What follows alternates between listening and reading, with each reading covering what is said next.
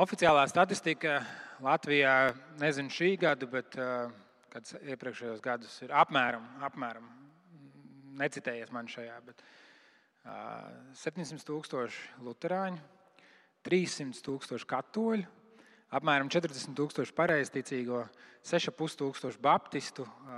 Par vasaras svētkiem grūtāk pateikt, jo viņi nevada tādu draugu locekļu sārakstu. Ja mēs tā saskaitām kopā vairāk kā miljonus kristiešu mūsu valstī, kur viņi ir. Jā. Kur viņi ir? Statistika ir, kā, ir, saka, ir, ir liela meli, ne ir mazi meli, ir liela meli, un tad statistika. Papīrs pacieš visu. Es domāju, ka jums tas nebūs pārsteigums, un jūs varat man piekrist, ka mēs dzīvojam sekulārā valstī. Valstī, kurā cilvēki iespējams tic kam augstākam, iespējams ir mājiņticīgi, bet valstī, kur nu, vismaz pēc tā, kā mēs to izprotam, noteikti nav kristīga valsts. Ja, kur, kur, un ar kristīgu valsts, es domāju, nu, vairākums būtu kristieši. Ja. Pirms kāda laika, kad es vēl mācījos BPI, tas ir apmēram desmit gadus atpakaļ, bija tāds bukletiņš sagatavots, kur teica, apmēram 3% latviešu Latvijas iedzīvotāji apmeklē draugu un lasa Bībeli. Ja, nu, tad 3% varētu būt apmēram kristieši. Šo desmit gadu laikā man nav nekas tāds. Uh, nav iemesls teikt, ka tas ir nu, īpaši labi uz, uz, uzlabojies. Ja? Es gribētu ticēt, ka varbūt šobrīd ir 4% ja? vai varbūt 5%, bet nu, katrā ziņā tie nebūs 50 un vairāk procenti. Mēs dzīvojam sabiedrībā, kas nepazīst Dievu, bieži vien nevēlas pazīt Dievu. Mēs dzīvojam mazākumā.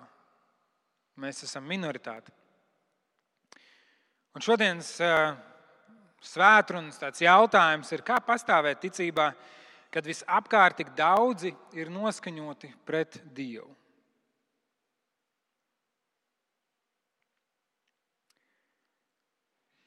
Un es vēlos izlasīt par kādu vīru vārdā Daniels. Un tas ir no tad, no vienas studiju bībeles, angļu valodā. Tas ievadteksts pirms Daniela grāmatas.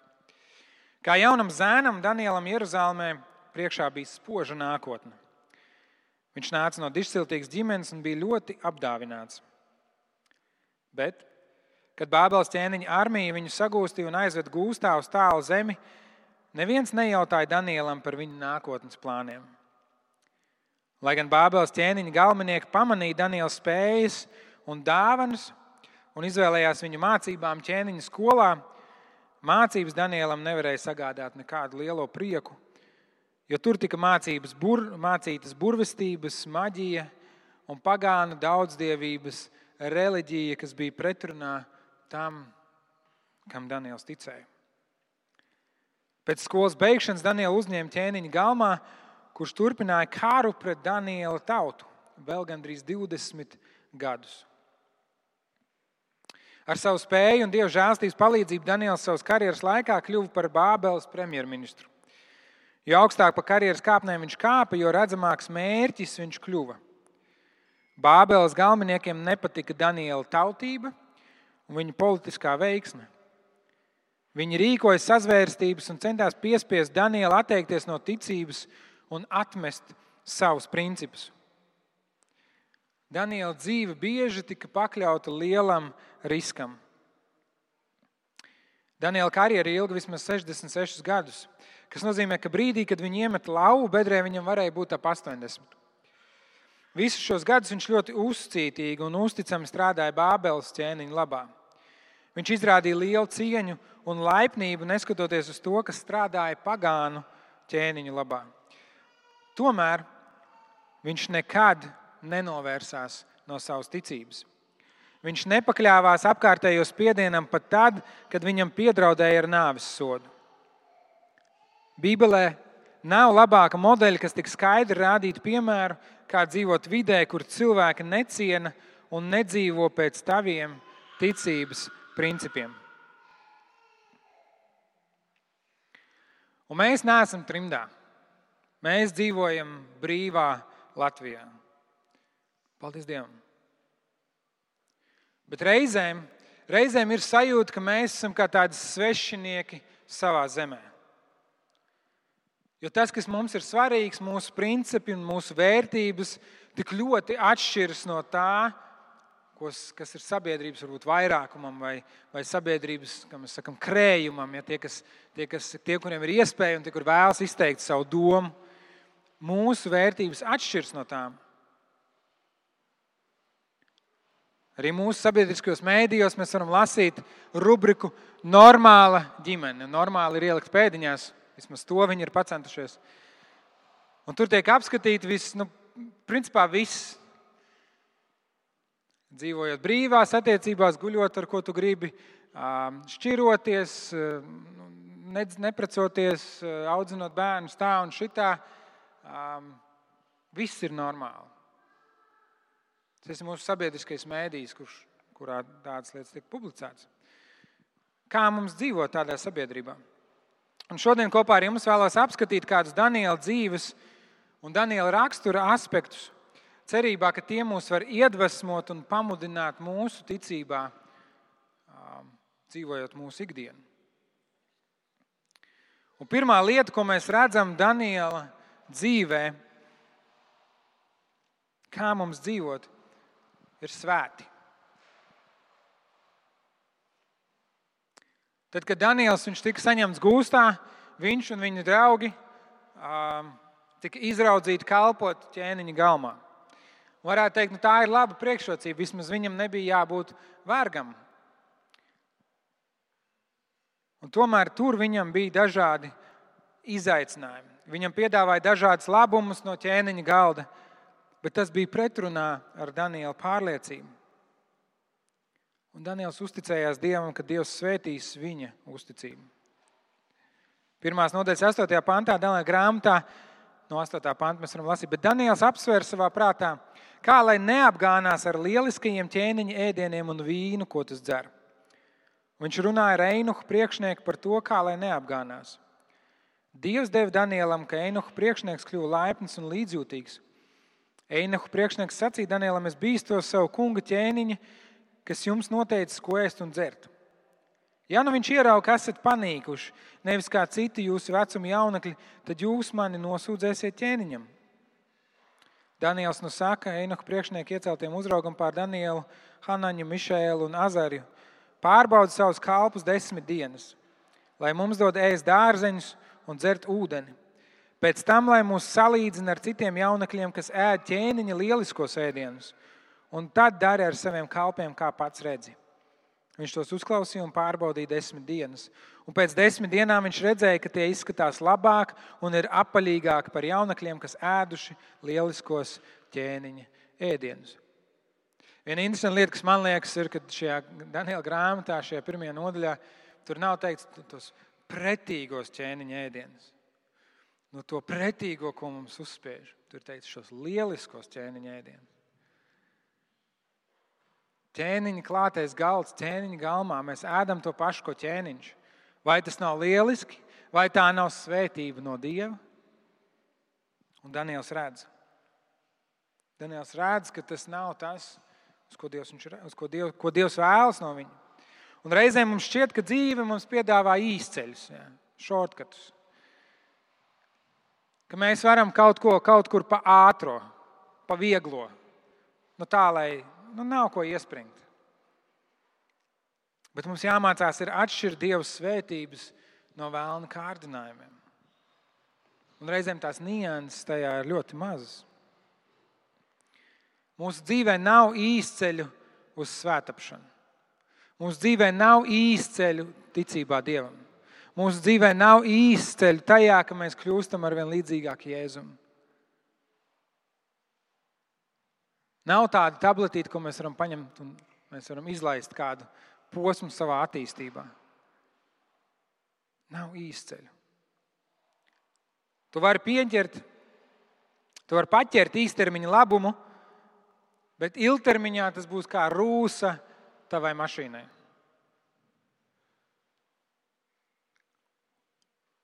Jūs zināt, kā ir, kad ir rūsa mašīnā? Sākumā jau liekas, nu nekas. Čaļi smaida, čaļi zina. Man liekas, jau nekas tur nu, nu tāds no ārpusītes.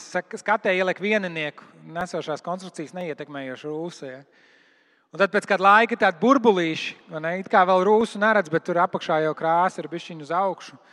Un pēc kāda laika tā rūsa lien ārā, bet ir tādi mazi punktiņi. Nu, nekas jau traks nav, un tā baigi neredz. Un vēl pēc kāda laika tu pieliec pirkstu, un tur izrādās ir caurums. Un tev liekas, bet tas taču tāds sīkums, un tu aizbrauc uz autoservisu un nokāš. Jā. Jāpārmetina slieksnis, jā. jāmet ārā mašīna. Jā. Un reizēm mēs savā dzīvē arī tā nepamanām. Mēs pieņemam kādus ātros lēmumus, šķietam, nu, gan jau būs ok. Nav jau nekas tik briesmīgs. Un tā ir kā tāda rūsa mašīnai. Lēnā garā mūsu dzīvi sagrauž. Un dažreiz šķiet, ka dzīve ir strupceļā. Un nav iespējams turpināt, nav iespējams turpināt saglabājot savus principus un savu ticību. Liekas, viss izējas nav. Bet atcerieties, ka tikai Dievs var radīt kaut ko no nekā. Arī Izraēla tauta, kad viņi izgāja no Ēģiptes, kur Dievs viņus bija atbrīvojis varenā veidā no verdzības, viņi sastapās ar strupceļu. Viņi nonāk šīs jūras priekšā un viņi bļauj uz mūzu un saka, kāpēc, kāpēc, kāpēc. Un Dievs viņus atbrīvo un izved šai jūrai cauri. Dievs savā vārdā teica, esiet svēti, kā es esmu svēts. Un mēs saprotam, mēs labi apzināmies, mēs neviens negribam. Un līdz galam, varbūt kāds grib, es nezinu. Es negribu. Un arī nevaru izlikties, ka es esmu bez grēka. Un kad, kad es lasu Bībelē, esiet svēti, kā es esmu svēts, tas man liek satrūkties. Tas man liek dziļi ievilkt telpu un teikt, Dievs, ko tu gribi no manis? Tu taču zini. Tu taču zini, kā tas ir.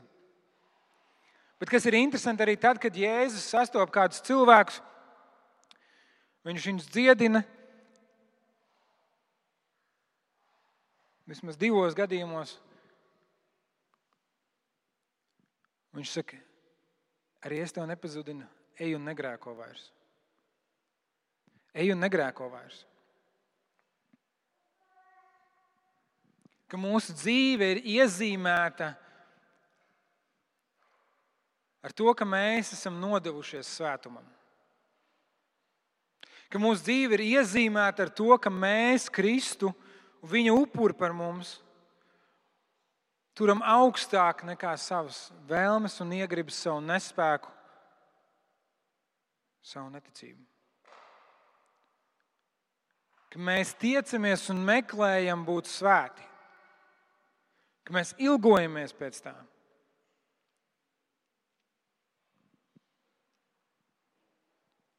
Un reizēm varbūt mums šķiet, ka tas tāds bišķiņ utopisks stāvoklis, kurā mēs esam, ka Dievs no vienas puses zina, ka mēs nevaram negrēkot, un no otras puses viņš saka, esiet svēti, kā es esmu svēts.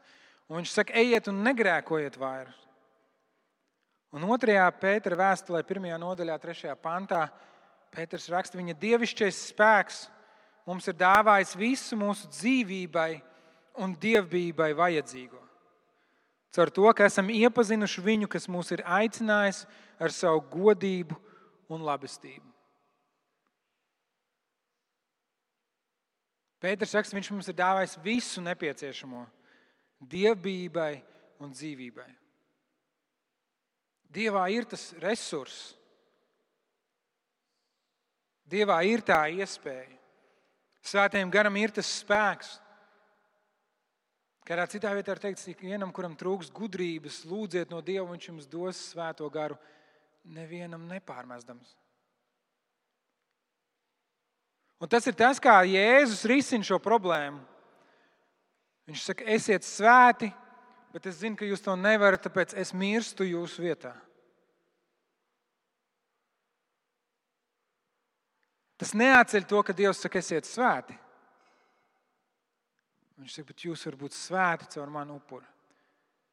Un, ja es teicu, ir labi, jums ir labi, ka es aizēju, ja es saku, jums ir labi, kad ir šis upuris, jo es sūtu aizstāvi, svēto garu, kurš jums mācīs visu un atgādinās, ko es jums esmu teicis. Un mums, kristiešiem, ir šī pieeja pie svētā gara. Viņš ir apsolījis, viņš mājo mūsos. Tas gan nenozīmē, ka Dievs ir kā tāds bankomāts. Ja?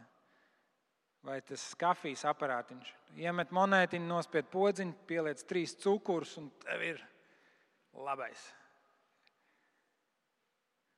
Lūdziet, meklējiet, klaudziniet. Ja tas ir process, kuram mēs ejam cauri. Mēs ejam cauri, un diemžēl mēs dzīvojam salauztā pasaulē. Mēs dzīvojam pasaulē, kur ir sāpes un ciešanas, un tomēr Dievs vēlas redzēt mūsu svētus. Viņš vēlas redzēt, ka mēs tiecamies to, uz to, un tajā rakstvietā, ko es šodien nolasīju, tur ir teikts, ka jūs neesat līdz asinīm cīnījušies pret grēku. Ja, ka, ka tas ir tas ceļš, uz kuru mēs ejam. Tas ir tas ceļš, kam mēs ejam cauri. Esiet svēti. Kā pastāvēt sabiedrībā, kurā liela daļa netic Dievam un nevēlas neko dzirdēt par Dievu? Ir svētums. Nākamā lieta - pazemība. Pazemība. Un, un ir, ir svarīgi, uh, ir svarīgi, ka svētumam sako pazemība. Jo reizēm mēs tādā savā pārprastā svētumā varam būt ļoti pašapziņīgi par to, ka redz, kā man izdodas, redz, kāda man ir laba, skaista dzīve, redz, kā es zinu, redz, kā Dievs man dod spēku, redz, kā Dievs man svētī. Ja vien tu grēcinieki atgriezīsies no saviem grēku darbiem, arī tevi Dievs svētīs. Tāpat kā man.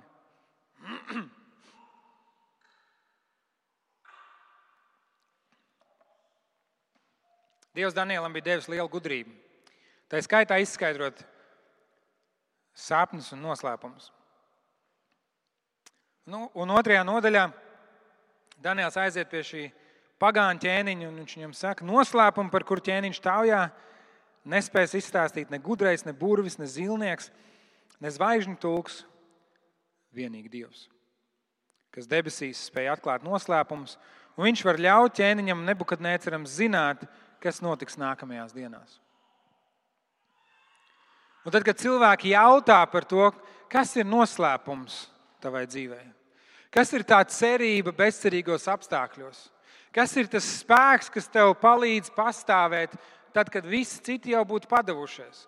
Kad cilvēki būtu teikuši, nu, ko tu ņemies šajos apstākļos, atmet ar roku un mirsti.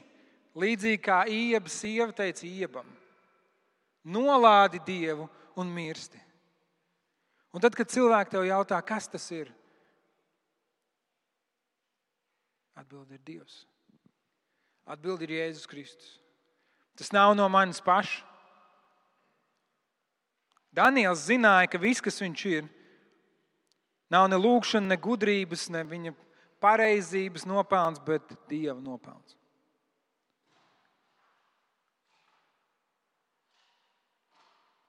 Un tā nebija tāda viltus pazemība, kurš saka, oi, nē, nē, nē nu, bet es jau nekas neesmu. Nē, nē, nē. Es esmu niecība. Viņš bija pārliecināts par to, kas ir Dievs viņa dzīvē. Un tad pārlieci, pārliecināta pazemība ir tas, kas šai pasaulē ir jāierauga.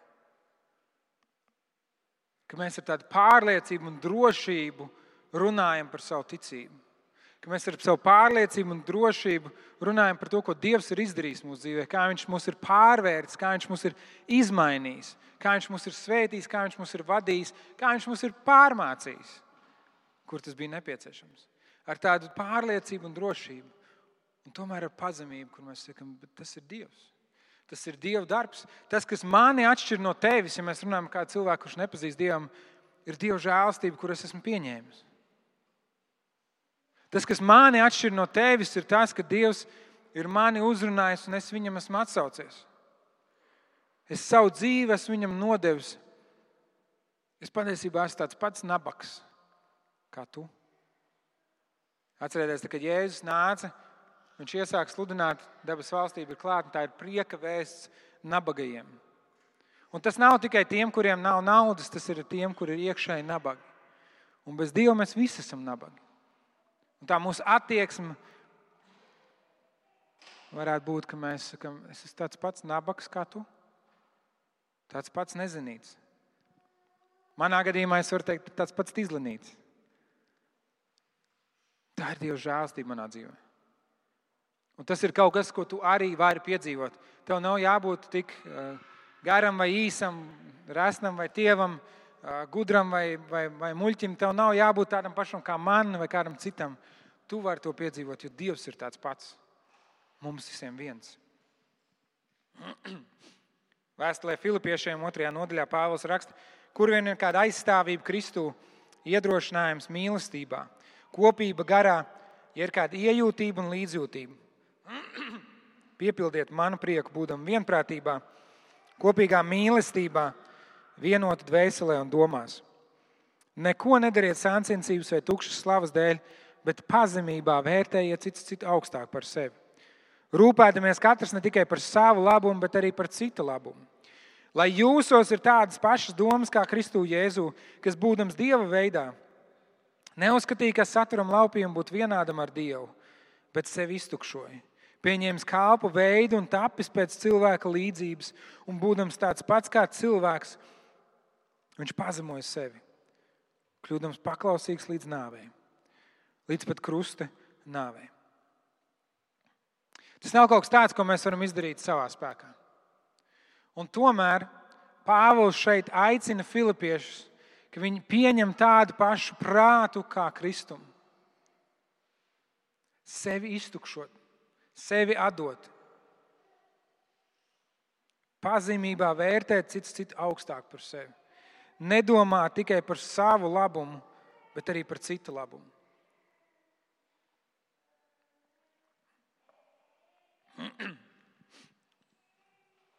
Mūsdienās ir kādas labas lietas, par kurām mēs varam mācīties. Tā ir, tā ir lieta, kur mēs par sevi parūpējamies, kur mēs nenoliedzam savas problēmas un savus izaicinājumus, kur mēs esam atvērti par to, kā mums iet mūsu emocijās, kur mēs mācāmies par to runāt un kur mēs par sevi arī tādā ziņā parūpējamies.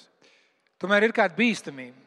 Un bīstamība ir tajā, ka mēs tajā visā mēs ieraugam sevi kā centrālo lomu, kā centrālo cilvēku. Pasaules sāk griezties ap mani. Un mums jābūt uzmanīgiem reizēm terapijā. Ja mēs neesam uzmanīgi, terapija mums ievada tajā domāšanā. Kas liek mums domāt, kuri cilvēki mums ir kaitīgi vai toksiski, kuri cilvēki mums palīdz vai nepalīdz, kuri cilvēki. Un, un, un, un saprotiet, man pareizi, es pats uh, esmu strādājis ar terapeitiem. Es neesmu pret viņiem. Īstajā situācijā mums ir vajadzīga profesionāla palīdzība. Es neesmu nedzirdēt, man, ka saka, terapeiti ir slikti. Tā nav. Bet mums ir jābūt uzmanīgiem, ka tas nepāriet tajā, ka tā ir mana pasaule. Es esmu centrā un viss griežas ap mani. Un, ja tu nemāki pareizi ap mani griezties, tad lido ārā no manas orbītas. Dievs mums saka, rūpēdamies katrs ne tikai par savu labumu, bet arī par citu labumu. Pazemībā vērtējiet citu, citu augstāk par sevi. Pazemība ir tā, kas dod liecību par mūsu Dievu. Nākamā lieta - drosmīgi. Mums ir nepieciešams būt drosmīgiem, pazemīgiem, bet drosmīgiem. Piektajā nodaļā mēs eh, redzam stāstu, kur eh, Daniels konfrontē ķēniņu. Viņš nostājas viņam pretī un viņš drosmīgi runā par ķēniņa trūkumiem, par to, ko viņš ir darījis nepareizi. Pie 23. pantā ir teikts, tu sacēlies pret debesu kungu, un tev tika atnesta trauki no viņa nama, un tu, tavi augsmaņi, tavs sievas un blakus sievas dzērāt vīnu no tiem un slavējāt sudraba, zelta, vāra, dzelzs, koku un akmens dievus, kas nedz redz, nedz dzird, kam nav saprašanas. Bet Dievu, kura rokā ir tava dvaša un visas tavas gaitas, tu negodāji.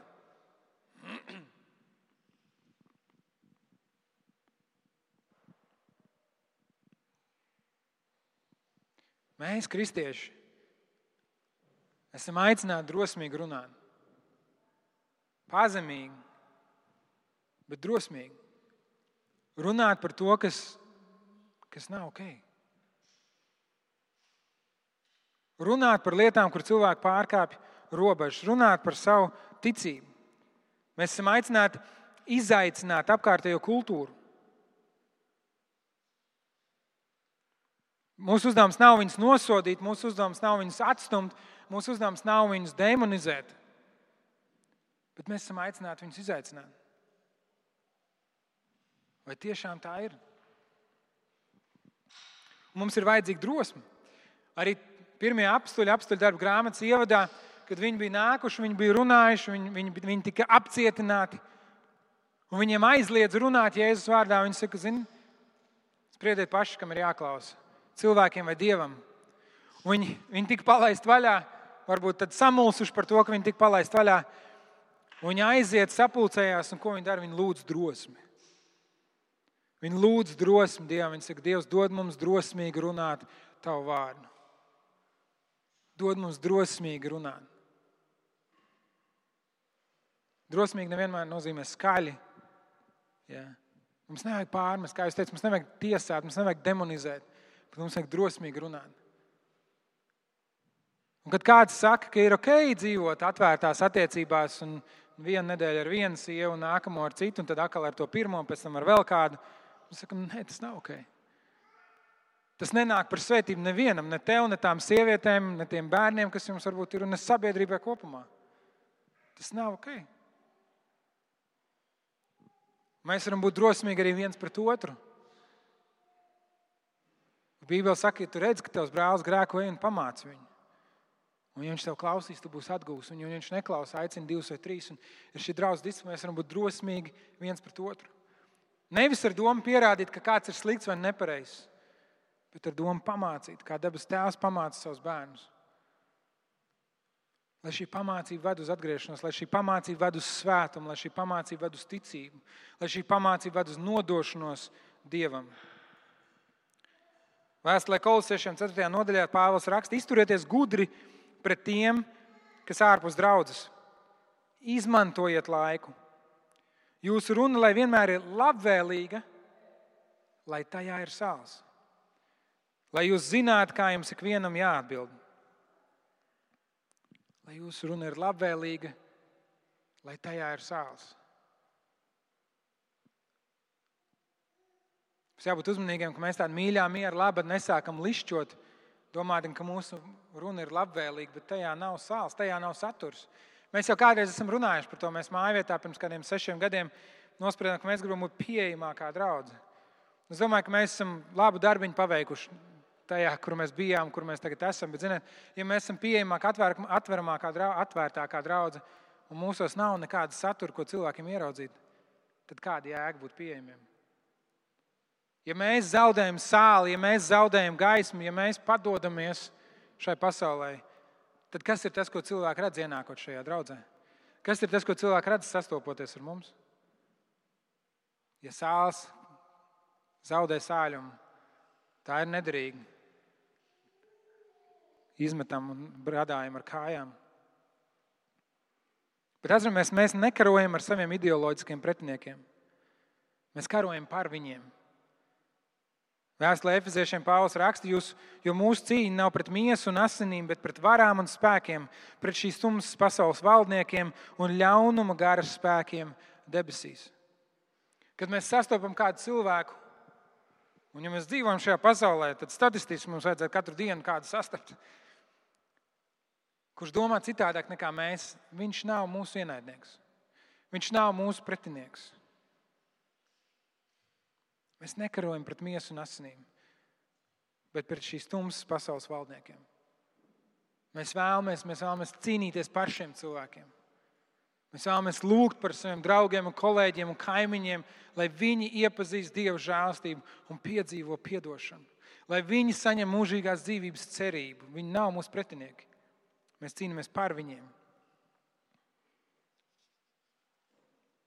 Nākamā lieta par Danielu. Es nezināju, kā, kā īsti labāk noformulēt. Es rakstīju pastāvīgi. Bet tā ideja ir tāda, ka Daniels bija vienāds, viņš bija viengabalains. Gan ikdienā, gan ekstrēmos apstākļos. Sastajā nodaļā mēs lasām ka tur izdeva likumu, kas aizliedz pielūgt citus dievus kā viņa ķēniņu. Un tur teica, Daniels uzzināja, ka parakstīts šās likums un devās mājās. Viņa augšstabs lokus vienmēr bija atvērts pret Jeruzalemi. Un tāpat kā iepriekš, viņš trīs reizes dienā ceļos nometies, lūdzu un slavē Dievu. Tur tas uzsvers tāpat kā iepriekš. Ir cilvēki, kas ikdienā ir šeit ok. Ja dzīve iet daudz maz labi, viņa ticība arī iet daudz maz labi. Viņi atnāk svētdienās dievkalpojumu, viņi dzīvo, viņi, viņi pielūdz Dievu, varbūt pirms ēšanas un, un, un lasa Bībeli. Un, tā. un nāk grūtības un sarežģījumi. Viņi saka, nestrādā. Es taču visas šīs lietas daru un nestrādā. Un viņi sabrūk. Un tad no otras puses ir cilvēki, kur ikdienā šķiet nekādi, nu, tā kā viss jau normāli, nav ko iespringt, ne? nav ko tur nodoties, nevajag būt fanātiskam. Ne, viss ir kārtībā, tas nekas traks nav noticis. Un tagad nāk grūtības un problēmas, tad viņi ir lūdzēji. Tad viņi ir baznīcā gājēji, tad viņi ir nodevušies, tad viņi meklē Dievu.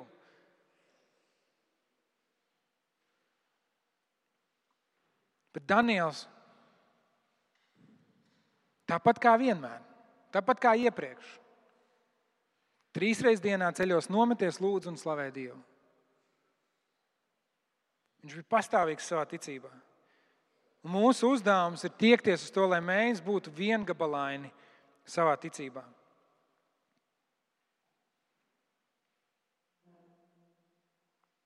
Pirmā pētera vēstule, otrajā nodaļā, 12. pantā Pēters raksta, esiet krietni, dzīvojot starp pagāniem, lai par tām lietām, kurās tie nosod jūs kā ļaundarus, tie, vērodami jūsu labos darbus, slavē Dievu piemeklēšanas dienā. Pēters raksta, tad, kad cilvēks skatās uz jūsu dzīvi, lai viņi redz, ka jūs patiesi ticat tam, ko jūs sakat, ka jūs ticat. Ka jūs esat nodevušies tam.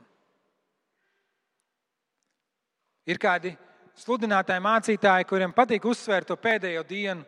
Viņi vēro dažādas notikumus, piemēram, karš Izrēlā, un tiklīdz ir karš, kārdarbība Izrēlā, tā atrodas kāds, kurš saka, pēdējās dienas ir klāta. Jo, jo pasaules vēsture ir saistīta ar, ar, ar Izraēlu vēsturi. Viņi saka, tagad saņemamies, kristieši, pēdējās dienas ir klāta, mums ir jādzīvo svēti un dievbijīgi un labi. Īstenībā tas nav tas, ko Bībele māca.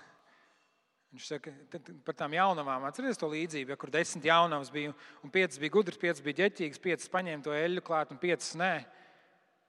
Un tieši viņi runā par pēdējiem laikiem. Tā ideja ir tāda, lai jums visu laiku ir eļļa, kas deg. Negaidiet, kad nāks pēdējās dienas, negaidiet, kad nāks grūtības, negaidiet, kad būs problēmas. Dzīvojiet, lai jūsu lukturis visu laiku deg, lai viņš ir gatavs. Un tā ir labā ziņa. Mums vispār nav jāuztraucās par to, ja Jēzus nāk šodien, rīt, vai, vai pēc desmit gadiem, vai pēc nākamajā gadā gadu tūkstoti. Vispār nav jāuztraucās. Mums ir jādomā par mūsu ticību šodien. Mums jādzīvo tā, lai Jēzus varētu atnākt un teikt, čau, Jēzus, prieks tevi redzēt. Ka mēs esam nodevušies. Mums nav jāuztraucās, ah, oh, tagad ir pēdējā laika zīmes, nu tad saņemamies un dzīvojam. Nē, Bībele saka, lai mēs visu laiku staigājam, ka mūsu lampa deg. Lai mēs visu laiku staigājam Dievu priekšā, tad mums nav jāstreso. Ir pēdējā diena, nav, ir norādes vai nav. Mēs dzīvojam, mūsu ticība ir viengabalaina. Mēs esam nodevušies Kristum. Tas nenozīmē, ka mēs neizrādām nekādu vājumu. Tas nenozīmē, ka citreiz mums nav grūtāk un sarežģītāk. Tas nenozīmē, ka mums citreiz nav spēka. Bet runa ir par to, kur mūsu sirds mūs vēl, kur mēs vadām savu sirdi patiesībā. Kur mēs vadām savu sirdi.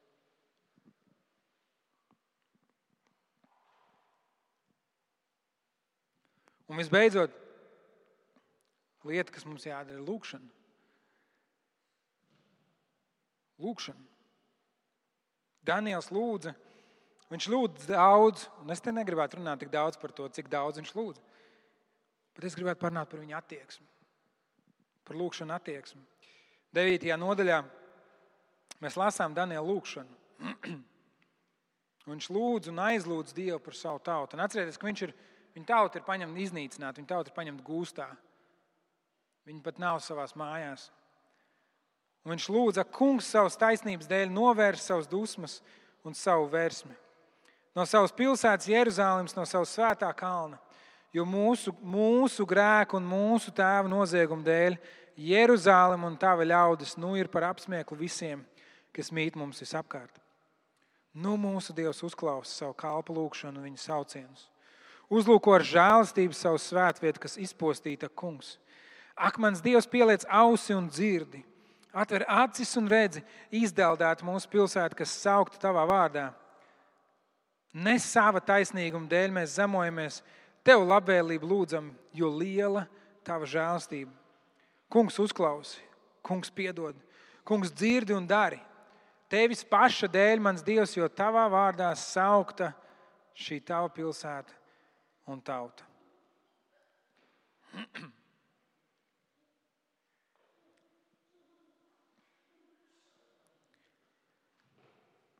Es esmu arī domājis, kāpēc eh, mūsu tēvs debesīs lūkšanai, jeb tēvreizēji, ir šis daudzskaitlis.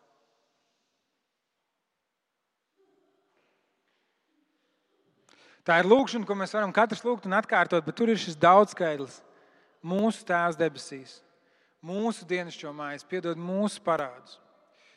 Tā lūkšana māca mums lūgt ne tikai saturiski, uz ko mums vajadzētu vērst savas domas, bet tā māca mums, ka lūkšana nav egoistiska. Daniels šeit lūdz, viņš saka, mūsu grēku un mūsu tēvu noziegumu dēļ Jeruzalem. Mēs skatāmies uz Daniela dzīvi, mēs lasām par viņu un liekamies, par kādiem grēkiem tur runā.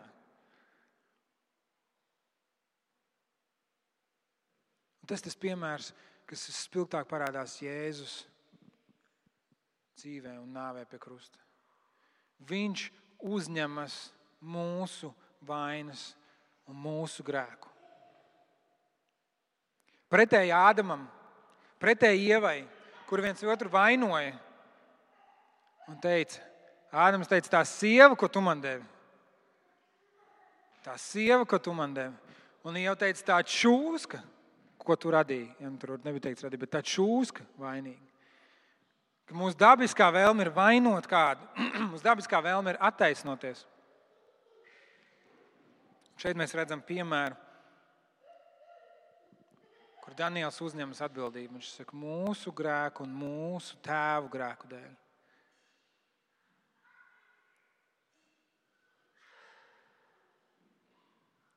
Vieglāk ir vainot. Vieglāk ir teikt, bāc, nu, tie, kas atnāk uz lūgšanām, ir tie, tās labās avis, ja, un tie pārējie ir tās pazudušās. Un ja vien visi atnāktu uz lūgšanām, tad patiesībā mums draudzē klātos daudz labāk. Patiesībā, ja valdība būtu labāka, un ticīgāka un jēdzīgāka, tad mums klātos labāk. Varbūt mācītājs. Mācītājs būtu bijis gudrāks, varbūt daļrunīgāks un neklapot visu laiku dievkalpojumā. Šis svētdienas būtu daudz vieglāk klausīties.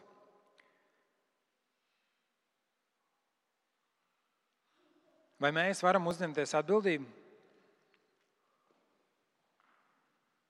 Atbildību par savu ģimeni, kā mēs dzīvojam savu ticību. Atbildību par savu garīgo ģimeni, par draugu. Un kādam no mums iet vieglāk, un kāds slavē Dievu paceltām rokām, saka, Dievs, paldies par tavu žēlstību. Un, Un kāds nevar pacelt savus rokas, viņas ir tik ļoti nogurušas un liekas, ka viss. Vai mēs varam uzņemties atbildību? Vai mēs varam uzņemties atbildību par savu tautu? Apzinoties, ka mēs esam varbūt kādi 3% tikai kristieši kopumā. Vai mēs varam uzņemties atbildību par savu tautu un izlūgties Dievam žēlstību? Nevis cerēt, ka Dievs tur visu sadedzinās, izmetīs ārā un vēl nesko izdarīs, bet izlūgties Dievam žēlstību teikt, Dievs, Tu mūs esi ielicis šeit. Mēs neesam izredzētā Izraēla tauta, mēs esam latvieši, mēs esam pagānu tauta. Mēs esam tie, kas ir iepotēti tajā kociņā, ja, ja es žēlstībā. Bet tu mūs esi ielicis šeit tautā, vai mēs varam izlūgties tavu žēlstību? Dievs, esi šeit tautai žēlīgs. Ka mēs varam būt lūkšana cilvēki. Ka mēs varam lūgt, ka mums var būt šī, šī, šī vēlme un mīlestība.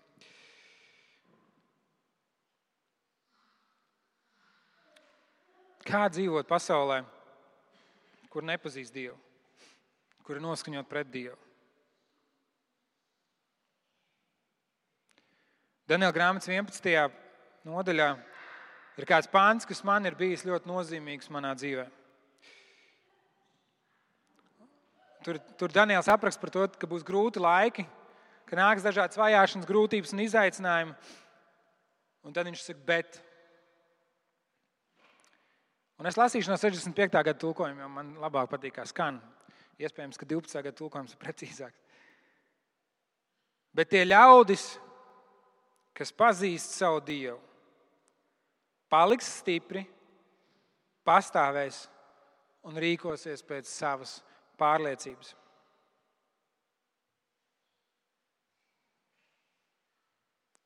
Divpusējā gada tekstā ir teikts, bet ļaudis, kas pazīst savu Dievu, būs stipri un rīkosies.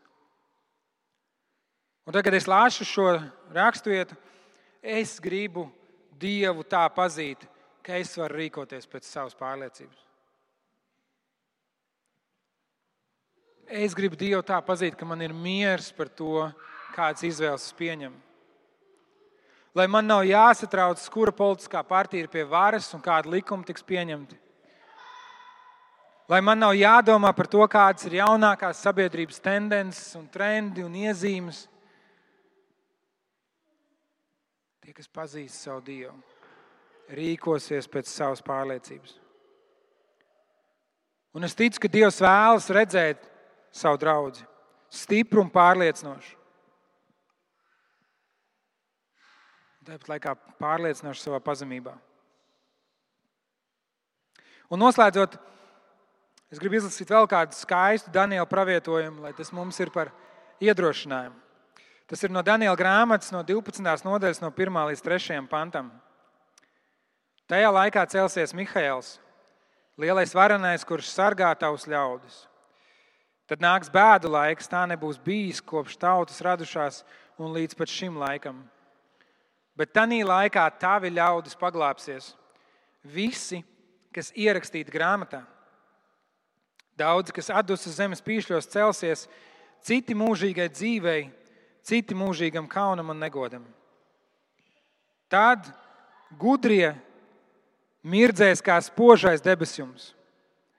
Tie, kas pie taisnības veduši daudzus, kā zvaigznes mūžīgi mūžam.